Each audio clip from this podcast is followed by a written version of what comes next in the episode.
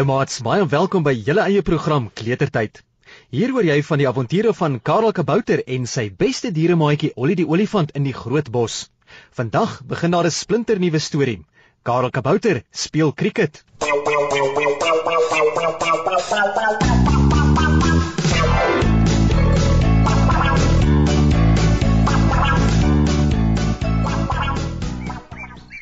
Een oggend met die sonnetjie wat net net uitgekom het en die voeltjies wat in die lug rondvlieg en kwetter, klop Ollie die olifant aan die deur van Karel Kabouter se paddastoelhuisie.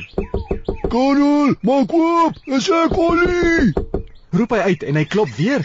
Ollie trippel ongeduldig rond en wil net weer aan die deur klop, toe Karel Kabouter dit oopmaak.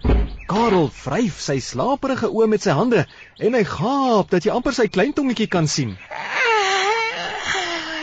Hallo Ollie. Wat kom aan jy so vroeg hier by my? sê Karel en hy wys vir Ollie om in te kom. As jy nie so hard geklop het nie, het ek nou nog geslaap. Ollie die olifant druk by Karel verby en gaan sit op een van die stoele in sy sitkamer.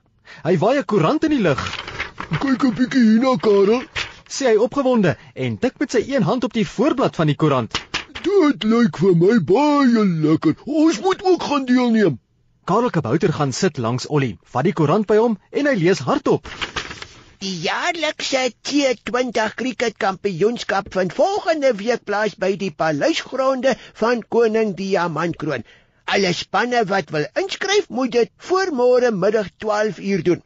'n Pragtige beker, goue medaljes en R500 prysgeld vir elke speler van die wenspan kan gewen word. Karel Kabouter kyk na Ollie, wie se oë blink van opgewondenheid, Ons moet ook inskryf, Karel. sê hy en gryp die koerant uit Karel se hande. Ek weet net nie hoekom hulle sê T20 nie. Is nie almal wat sal wil tee drink by die krieket nie. Ek wil liewer koeldrank hê. Karel Kabouter is net so opgewonde soos Ollie en hy probeer verduidelik. Hulle praat nie van tee wat 'n mens drink nie, Ollie. Dis die letter T wat staan vir 20. Eintlik staan daar 2020, maar omdat dit 'n lang woord is, noem hulle dit sommer T20. Ollie die olifant frons en hy kyk weer na die koerant. Beteken dit dan dat daar 20 spanne moet wees wat deelneem? Vra hy en sit die koerant langs hom neer. Ons gaan seker nie soveel spanne hier in die groot bos kry nie. Karel Kabouter staan op. Hy rek kom uit en hy stap na sy slaapkamer toe. Nee, Ollie, die 20 beteken dat die bal 20 keer deur die bowlers na die kolwers gegooi word. Dit maak nie saak hoeveel spanne daar is nie. Die spanne speel teen mekaar en die span wat wen, kry die beker, medaljes en die geld. Maar wag, ek gaan gou aantrek. Na so 'n rukkie kom Karel Kabouter by sy slaapkamer se deur uit, aangetrek in sy groen pakkie klere, sy bruin omkrul skoene aan sy voete en 'n rooi skerpend hoed op sy kop. Ollie die olifant staan op en hy stap na die voordeur van Karel Kabouter se paddastoelhuisie. Kom Karel, ons moet gou maak om te gaan inskryf, want ons moet nog gaan oefen om die 20 balle te slaan en om te wen. sê Ollie en hy draf opgewonde by die deur uit. Karel Kabouter steek sy hand in die lug op toe hy by sy paddastoelhuisie se voordeur uitstap, Wag 'n bietjie, Ollie. sê hy en sluit die deur. 'n Mens kan nie sommer die cricketbal gaan slaan nie. Jy moet 'n kolf en die regte klere hê. Ollie die olifant steek vas. Hy draai om en hy kyk na Karel. Wat is 'n kolf, Karel? Vra hy en trek sy voorkop op 'n plooi soos hy dink. Ek het gedink dat ek die balle met my slurp kan slaan. Dan sal niemand dit weer kry nie. Ons sal die beker wen. Ollie swai sy slurp heen en weer asof hy na 'n bal slaan. Karel Kabouter skud sy kop. Nee, Ollie, jy mag dit nie doen nie. Sê hy, buig af na die grond toe en teken 'n prentjie in die sand. Kyk, so lyk 'n kolf.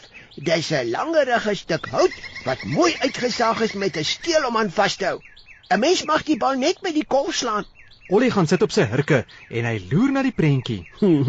Dit lyk vir my amper net soos 'n houtslurp, Karel. Sê Ollie en hy staan weer op. Die mense wat die tee gee by die krieket, het seker by ons olifante se slurpe afgekyk hoe om 'n kolf te maak. Ek kan maar net so wel my slurp gebruik het om die bal mee te slaan. Karel Kabouter glimlag oor Ollie so graag sy slurp wil gebruik om krieket mee te speel. Ons sal maar 'n kolf moet gebruik, Ollie. Sê Karel en hy begin aanstap in die bospaadjie. Dalk moet jy vir ons 'n groot boomtak afbreek, dan sal ek dit met my mes mooi afwerk dat dit 'n kolf kan word. Maar um, ons het ook beenskutte nodig dat die bal nie ons bene seermaak nie.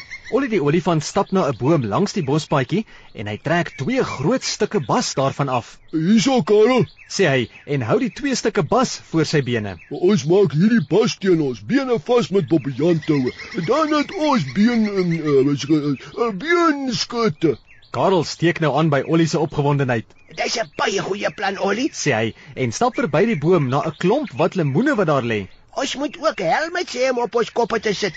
As ons nou hierdie wat lemoene middeldeur sny en die binneste dele opeet, kan ons dit vir helmets gebruik. Ollie die olifant klap sy hande en hy dans in die ronde. jippie jippie. Ons het alles wat nodig is om tee te kry by die krieket en die beker en die medaljes te wen. Karel Kabouter en Ollie die olifant tel elkeen 'n wat lemoen op en stap al met die bospaadjie na koning Diamantkroon se paleis om te gaan inskryf vir die cricket kampioenskap. In die takke bo in die boom waarvan Ollie die stukke bas afgetrek het, sit Adam Aasvoël en sy neef Ari. Adam Aasvoël skud die vere op sy rug heen en weer, wieg op en af op die boom se tak en kyk met sy kwaai skreefies oë na sy neef Ari. Ar, ar, het ek reg gehoor, Ari? Vra Adam Aasvoël in sy krakerige stem. Ah, daar is 'n groot cricketwedstryd wat op koning Diamantkroon se paleisgronde gehou gaan word. Ah, Ari Aasvoël rek sy kop bo op sy kaal nek lank uit en loer tussen die takke na waar Ollie en Karel wegstap. ar, jy het reg gehoor, Adam. Sê hy en kou aan 'n stuk heuningkoek wat hy en Adam net nou uit 'n boom geskop het. Maar, maar wat maak dit saak? Ek en jy kan tog nie cricket gaan speel nie. Met ons vlekke sal ons nie 'n kalf kan vashou nie. Ar. Adam Aasvoël skud sy kop. Ah, ah, dis nie waaraan ek gedink het nie, Ari. Sê hy en gaan sit plat op sy pote op die boomtak. Daar kom 'n sliewe kyk in sy oë. Ah, dink net daaraan. As almal na die cricket gaan kyk, is daar niemand wat koning Diamantkroon se paleis oppas nie. Ah, al die geld wat die wenners by die cricket gaan kry, sal in die paleis wees. Dit is ons kans. ah, niemand sal sien as ons hoog bo in die paleis se vensters invlieg nie. Al wat ons moet doen is om uit te vind waar die geld geberre is. Dit vir onsself vat en dan is ons skateryk. Ah!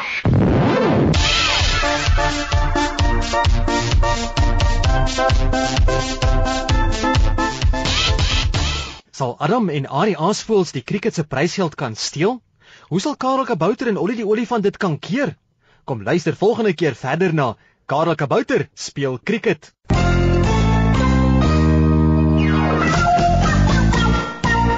Liewe seuns en dogters, ons lees in die Bybel in Spreuke 5 vers 22. Die oortreding van die goddelose agterhaal hom. Hy draai hom vas in sy sonde.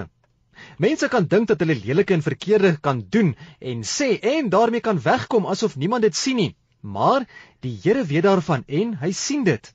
En dan noem hy dit sonde, alles wat tussen ons en die Here kom. Daarom straf die Here hulle. Die Here wil hê dat sy kinders nie sonde doen nie, nie lelike dinge dink, doen en sê nie, maar vir hom lewe soos die Bybel van ons vra. Ek groet tot volgende keer. Totsiens.